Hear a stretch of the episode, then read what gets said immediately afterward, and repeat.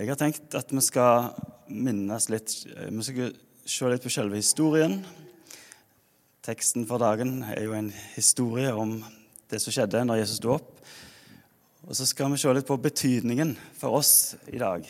Betydningen av Jesu oppstandelse. Både den åndelige betydningen i Guds rike og, og litt om hva det betyr for oss i vårt liv i hverdagen, i livet med Jesus. Vi begynner med å be først av alt.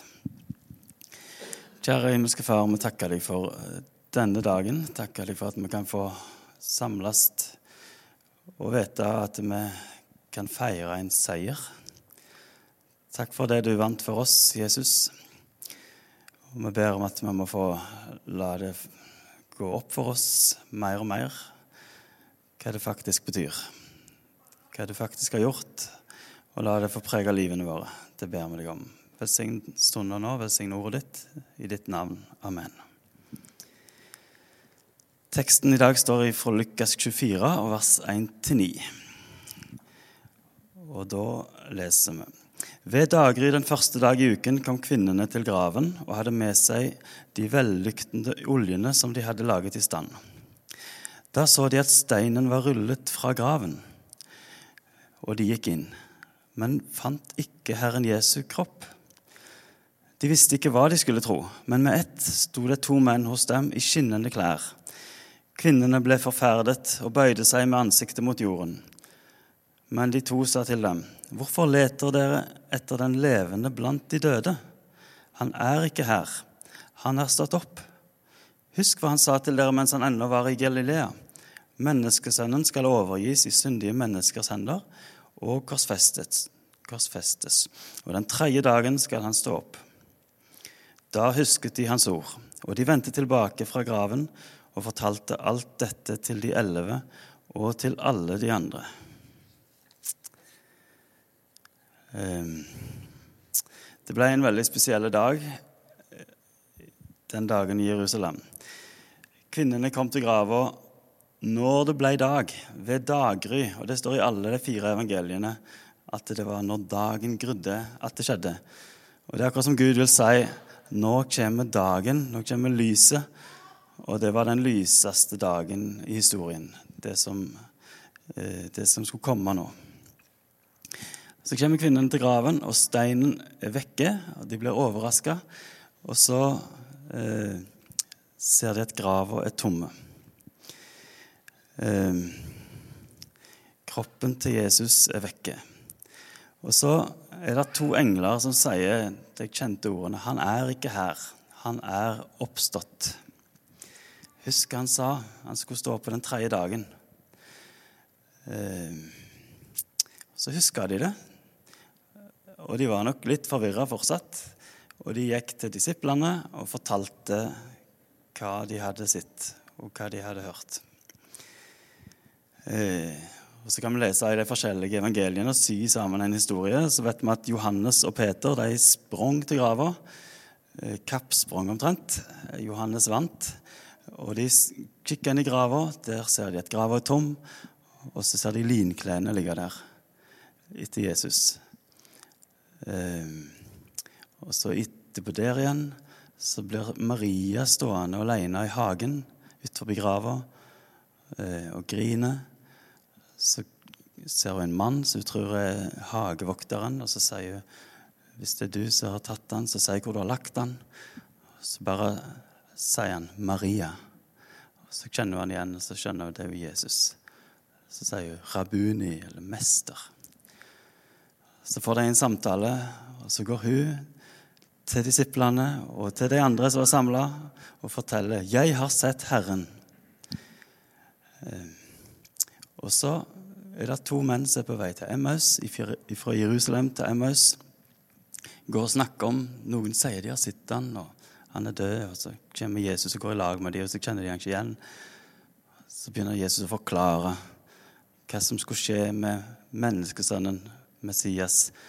At han skulle dø, og han skulle stå opp igjen. Det var det han måtte, det var det som var planen. Så forklarer han dem langs veien. og Så begynner det å bli kveld. Jeg vet ikke hvor seint det var. for Iallfall så rekker de å gå tilbake til Jerusalem etterpå. For mens de går inn og skal ete, så bryter Jesus brødet, og så ser de det er jo Jesus som har gått i lag med oss hele denne veien.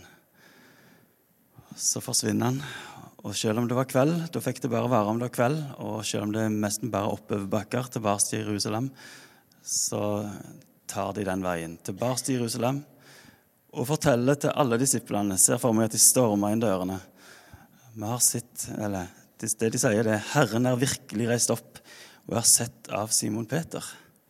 Det er en interessant opplysning der, så de kanskje har fått vite av på veien på en eller annen måte. Simon Peter har møtt Jesus. Og kanskje Simon Peter var der. Det står der ikke akkurat da. Men, eh, men så er de altså samla. Maria sier hun har sett Jesus. Eh, Peter var der, kanskje. Kanskje han var litt taus. Kanskje han hadde et litt spesielt møte med Jesus, han som hadde den historien. Og to MS-vandrere sier vi har sett han. Eh, så står det de andre trodde det ikke. står der. Og stemningen er sikkert spent og ivrig mens de snakker om dette, diskuterer dette. Og mens de holder på å diskutere om kvelden, da, så plutselig så står han der midt iblant de og sier shalom. Fred være med dere. Jeg tror de var målløse og stille ei stund. Kanskje sjokkerte. Litt redde. Og der står, I Lukas står det at de kunne ikke tro for bare glede. Det var for godt til å være sant. Så viser han de hendene sine, føttene sine. Så sier han, 'Har dere noe å ete?' Så gir de igjen noe mat. Stekt fisk, av alle ting.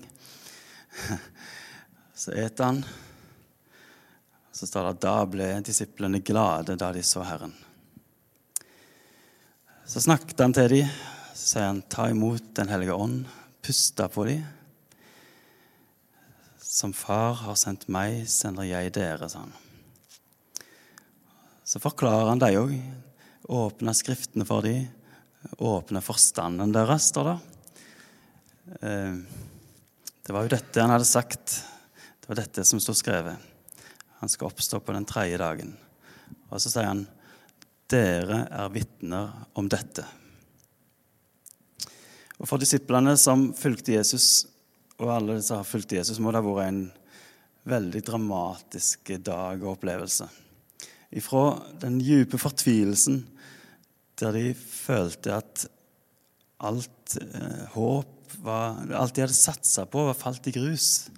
Håpet var vekke. og Um, og så blir det snudd til seier og glede, nytt håp og en bekreftelse. Han er Messias. Han er Guds sønn. Han sto opp igjen, og han lever i dag. Så ble det den store gleden, som, som jeg sa, som viser igjen i hele Nye testamentet. Alle bøkene i Nye testamentet fra evangelien og apostelgjerningene, når de taler alle snakker om oppstandelsen som den store gledesgrunnen. Og Peter skriver i 1. Peters brev et vitnesbyrd. Lovet være Gud, vår Herre Jesu Kristi Far, som etter sin store miskunn har gjenfødt oss til et levende håp ved Jesu Kristi oppstandelse fra de døde.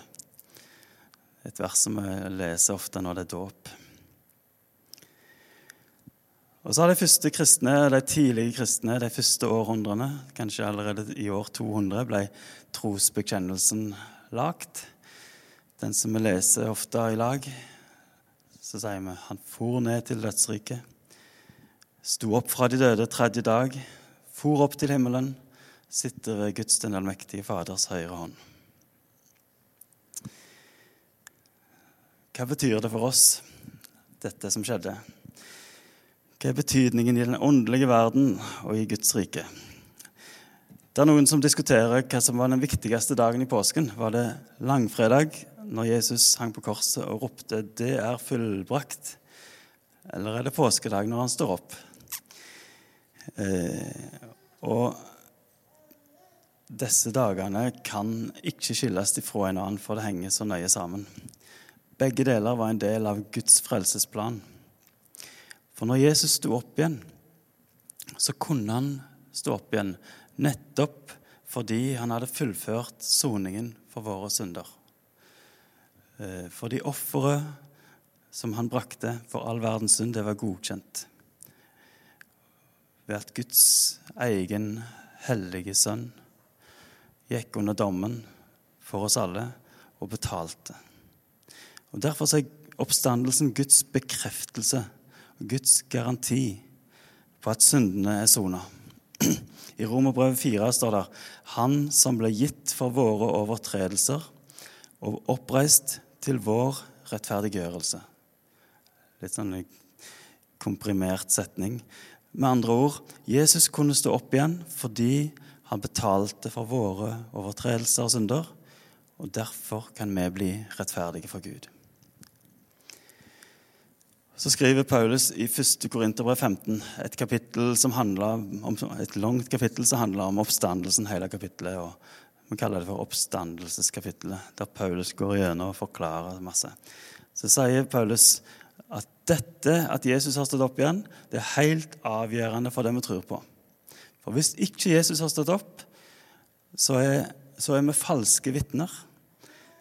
Eh, da har vi en Gud som er død. og da er det ikke forskjell på det vi tror på, det alle de andre religionene eh, tror på. Da er det bare en person som vi kan minnes og bli inspirert av. Eh, da er vi ennå i våre synder, sier Paulus. Da er vi fortapte. Da er vi uten håp.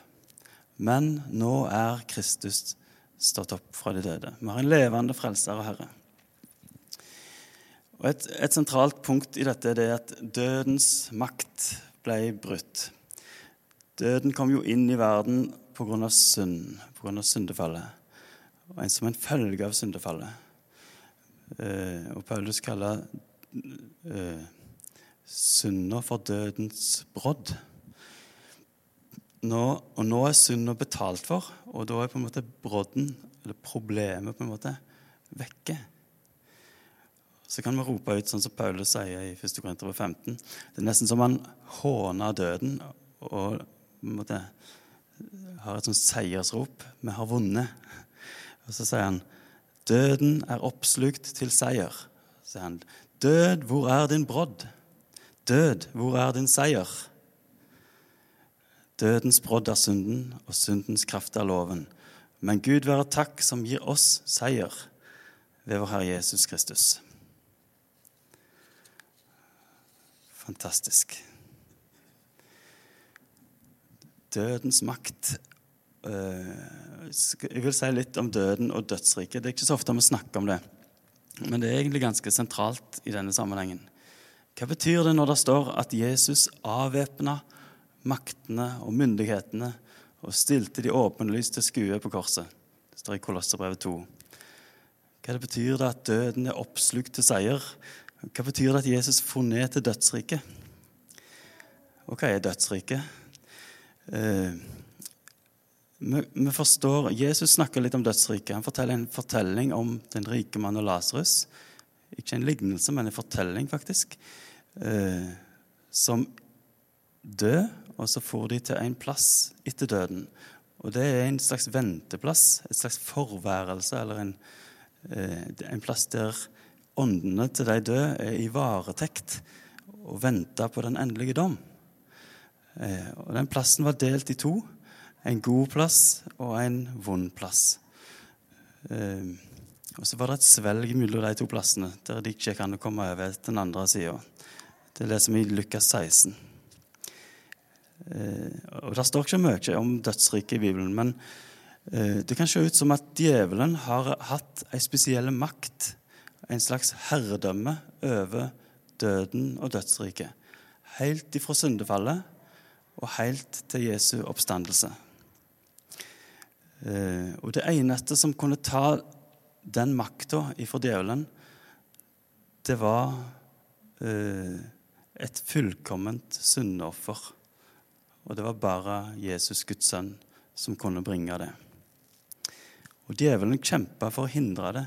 Vi tenker ofte at djevelen var med og korsfesta Jesus.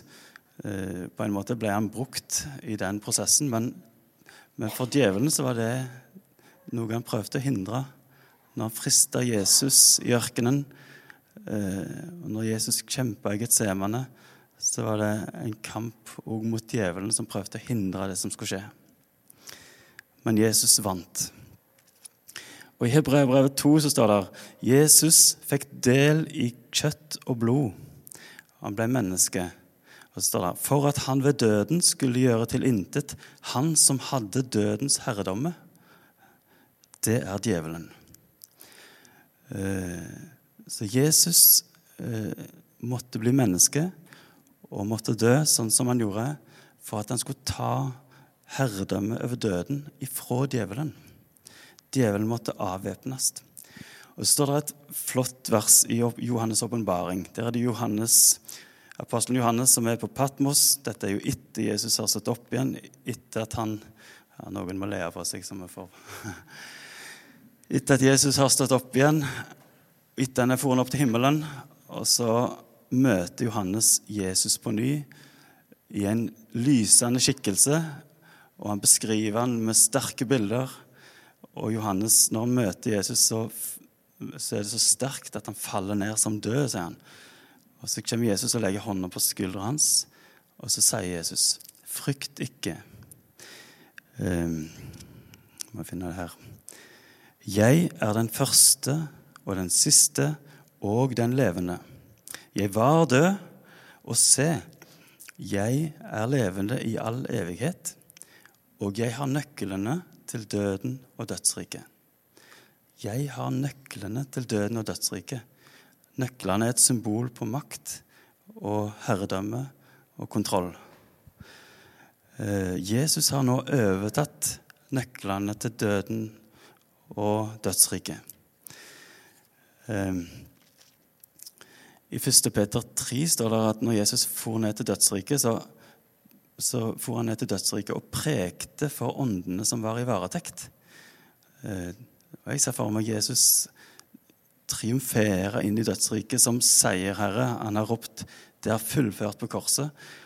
Og så forkynner han dette i dødsriket for åndene til alle døde. Det er fullbrakt. Jeg vet ikke om han sa det der òg. De hadde kanskje hørt det allerede. Dødens makt er brutt, synda er sona. Kanskje det var et jubelrop fra åndene til alle de som hadde sett sin lit til han. Frelseren som skulle komme, som var død. Eh, så tror jeg kanskje jeg ser bare for meg da, Det har skjedd en overføring av makt eh, på en eller annen måte fra djevelen til Jesus. Jeg ser bare for meg djevelen i dødsriket komme skjelvende og knele for Jesus og gi fra seg nøklene, herredømme over døden og dødsriket. Han hadde tapt. Han var beseira. Han var avvæpna. Og Jesus kunne stå opp igjen, triumfere ut av døden som førstegrøden, som det står i 1. Korinterbrev 15. Det betyr at han er den første av de som står opp igjen, og som aldri mer skal dø. Um, og så visste Jesus da at alle skal følge etter meg. Han er den første, men alle skal følge etter meg. Alle skal stå opp igjen, noen til dom, noen til evig liv. Jeg var død, og se, jeg er levende i all evighet, og jeg har nøklene til døden og dødsriket. Evig skal døden være Kristus underlagt, synger vi i Dei være ære. Og En interessant ting til det, det, er at det ser ut som den venteplassen, dødsriket, den delen, den gode delen, den blir flytta ifra dødsriket når Jesus står opp igjen. Flytta ifra der som det er, jeg vet ikke hvor og hvordan, men man blir flytta til himmelen, eller til Jesu nærhet. For etter Jesu oppstandelse så leser du aldri mer om at truende mennesker går til dødsriket, men de går alltid til Gud, til Jesus. Og Der står et interessant vers i Efeserbrev 4, vers 8. Der står det at Jesus for opp i det høye og bortførte fanger fra dødsriket. Eh, står det ikke så mye, men vi skjønner at her er det noe som har skjedd med dødsriket. Eh, venteplassen for de truende er i Jesu nærhet. Og alltid etterpå så, så leser vi at de som er døde, åndene deres, de går til Jesus. Eh, Jesus sa det til røveren på korset. I dag skal du være med meg i paradis. Og Paulus sier eh, jeg vil heller være borte fra legemet altså når han snakker om å dø. Borte fra legemet, hjemme hos Herren. Ikke i dødsriket, men hjemme hos Herren. Og Han sier en annen plass jeg har lyst til å bryte opp herfra for å være med Kristus. Så De som dør nå, de som tror på Jesus, de får være i hans nærhet. Og En dag så kommer det jo en oppstandelse ved Jesu gjenkomst, der vi skal oppstå legemlig, og der åndene blir kobla med et nytt legeme. Eh, og så skal det være en dom. Og Da står det til og med at døden og dødsriket skal dømmes. Skal kastes i ildsjøen, står det i Åpenbaringen 20. Hmm. Eh, bare si litt om vår oppstandelse. Jeg syns det er veldig flott når det står i 1. Korinterbrev 15 at like som alle dør i Adam, altså pga. Adams fall, pga. syndefallet, så kom døden, og den rammer oss alle. Slik skal også alle bli gjort levende i Kristus, men hver i sin egen avdeling. Kristus er førstegrøden. Det var et uttrykk som de kjente godt. Det var på en måte den første delen av innhøstningen av kornet som skulle sendes til tempelet, til kvalitetssjekk, og det var noen seremonier der. Eh, og det sa noe om kvaliteten på det som kom etterpå. Førstegrøden. Og Jesus er førstegrøden. Førstemann ut av døden. Og så står det videre Deretter skal de som hører Kristus til, bli gjort levende ved hans komme. Det er neste avdeling. Alle som tror, skal bli gjort levende ved hans komme. Og så står det og deretter kommer enden. Og Så leser vi om det i Johannes' åpenbaring, at det skal være en oppstandelse til en dom.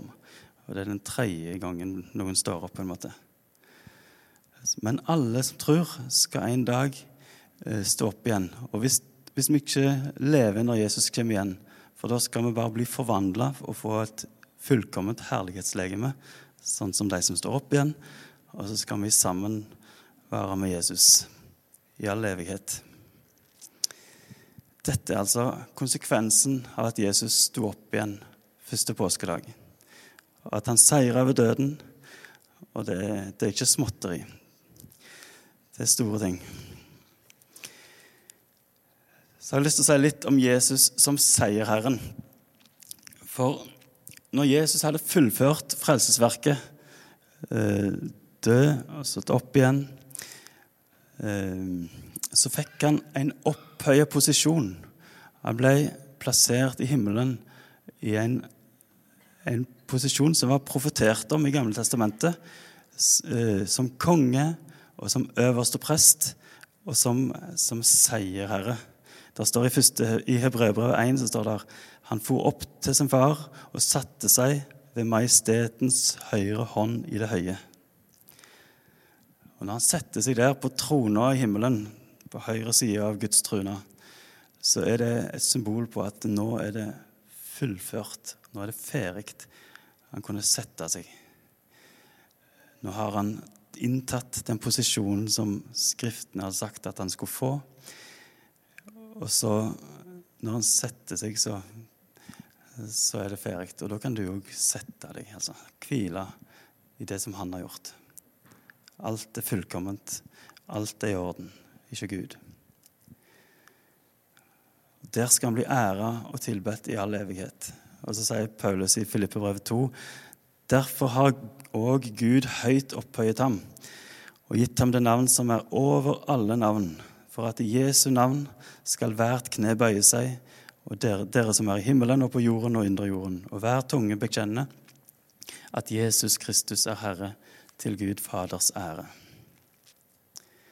Og Når han sitter der i himmelen ved majestetens høyre hånd, så representerer han deg. Han, han gjør en tjeneste som en øverste prest, sånn som han gjorde for folket i Israels tid, i Gamle testamentet. En slags mellommann som representerer deg for Gud. Det står i Hebrevet 9 at han gikk inn i selve himmelen for nå å åpenbares for Guds åsyn, for vår skyld. Han setter seg der for de skyld. Han har en rolle som angår oss. Eh, så står det at han er vår talsmann, står det i 1. Johannes brev 2. Hvis noen synder, har vi en talsmann hos Faderen, Jesus Kristus den rettferdige, og han er en soning for våre synder. Så han sitter der og garanterer for at dine synder er sona. Han er der nå, akkurat nå. Så kan jeg telle til tre, så er han der nå. Han er der hele tida. Han er en soning for våre synder. Vanskelig å fatte.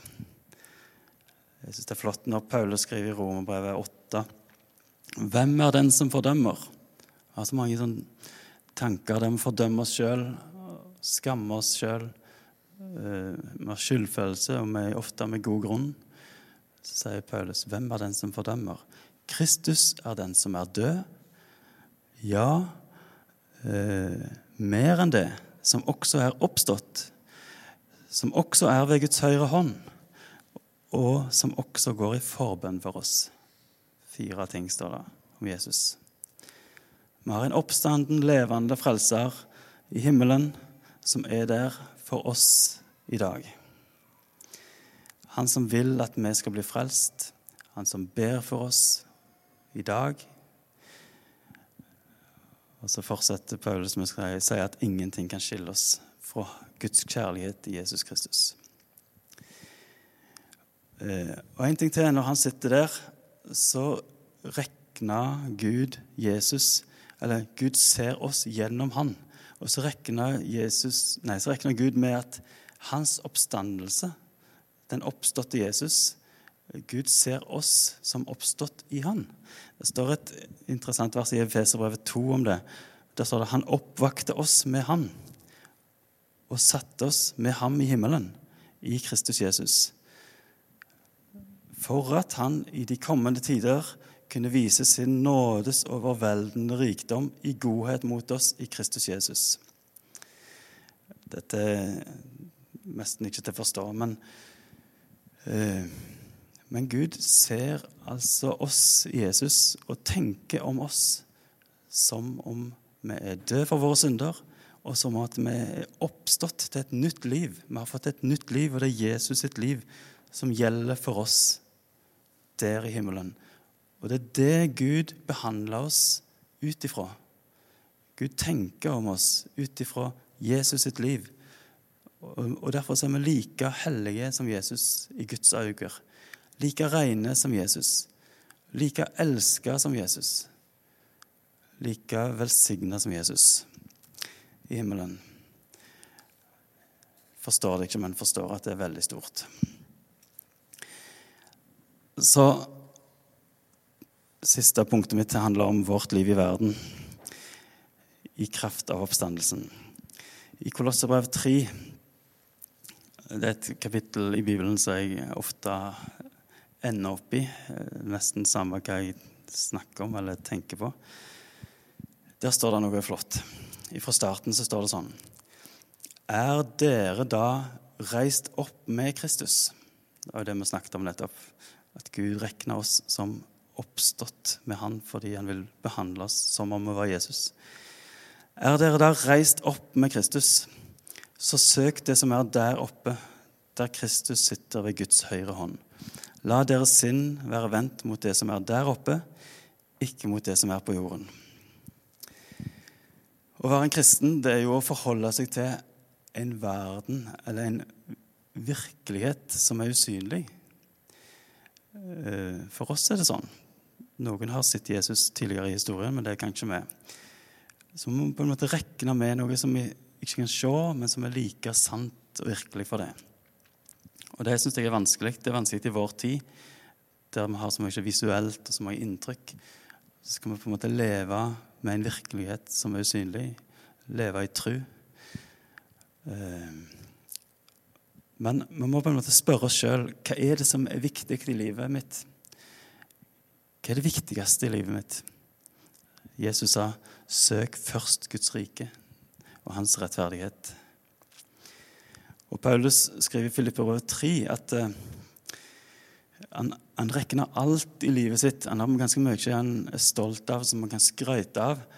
Men han regner alt for søppel, for skrap, sammenlignet med det viktigste. Og det sier han, det er å, å bli funnet i ham. Eh, funnet i Jesus og i Jesus sin rettferdighet. Og så fortsetter han, så jeg kan få kjenne ham, Jesus, og kraften av hans oppstandelse. Kraften av hans oppstandelse. Vi sang det i sangen her, 'Graven er tom'. Jeg husker ikke, i et vers sto der 'Kraften som overvant døden'. Hva sa det? Lever i oss, som er hans, tror jeg det var. Hva betyr det? Kraften av hans oppstandelse. Jeg tror det betyr to ting. Det handler om å være født på ny, eie et nytt liv, et evig liv, som innebærer at vi en dag skal stå opp igjen fordi vi har fått del i hans oppstandelse. Eh, hvis ikke Jesus kommer før, da. Jesus sa jo en gang 'Den som tror på meg, skal leve om han enn dør'. Så det er vårt perspektiv, da. Jeg skal dø, men jeg skal leve for det. Jeg skal stå opp igjen òg. Eh, men det betyr noe mer. Jeg tror kraften av hans oppstandelse gjelder livet her og nå. Det, det, det handler om kraften i mitt liv som en følge av mitt forhold til Jesus, mitt samfunn med Jesus, min relasjon til Jesus i hverdagen. Fordi han lever i dag. Det er ikke en død person vi forholder oss til. Det er en som lever. En vi kan be til, en vi kan samtale med, en vi kan lytte til gjennom hans ord. Eh, en vi kan ha fortrolighet til. En som er nær oss. Han sier 'Herren er nær', står der i Bibelen. Som står og banker på døra vår, vil inn til oss. Eh, og så sier han han er midt iblant oss når vi er samla i hans navn. Så han er her i dag, midt iblant oss. Fordi han er en levende frelser. Og det er kraften av hans oppstandelse. Han er usynlig, men virkelig. Er dere da reist opp med Kristus og søkt det som er der oppe?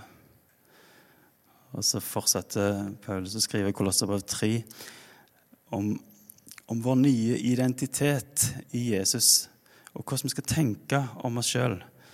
Og hvordan det kan gi oss kraft til et nytt liv, eh, der vi legger bak oss den gamle menneskenaturen og kler på oss nye, det nye livet som vi har fått i Han. Eh, og Så sier han at det, vårt nye liv det skal speile det hellige livet som, som vi har innenfor Gud. Eh, vi skal få regne oss som døde, sier Paulus, for syndene våre. Og så skal vi få regne oss som oppstått, og at det er vårt egentlige liv. Oppstått med Han, hellige rein innenfor Gud. Eh, og kraften til å seire over synd i vår hverdag, og kraften til å bli mer lik Jesus, det er ikke å prøve å ta seg sammen for å kristeliggjøre eh, vårt gamle menneske. Prøve å holde loven og streve etter det. Nei, kraften den ligger i å minne oss sjøl på. Mitt gamle menneske er korsfesta med Kristus. Det er dødt innenfor Gud. Mitt nye menneske, det har jeg i himmelen. Det er Jesus. Og, ved, og det er min egentlige identitet. Og ved å glede meg i det, ta det til meg, minne meg sjøl på det, leve i takk for det, så får jeg lyst til å leve det livet ut her og på jord. Er den jeg vil være. Er den jeg egentlig er. Så står det jo om Dette er jo et bilde som blir brukt masse om dåpen. I dåpen ble vi begravd med Han og oppreist til et nytt liv for at vi skal leve for Han. I Rombrevet 6 står det slik skal også dere regne dere som døde for synden, men levende for Gud i Kristus Jesus. La derfor ikke synden herske i deres dødelige legeme, så dere lyder dets lyster.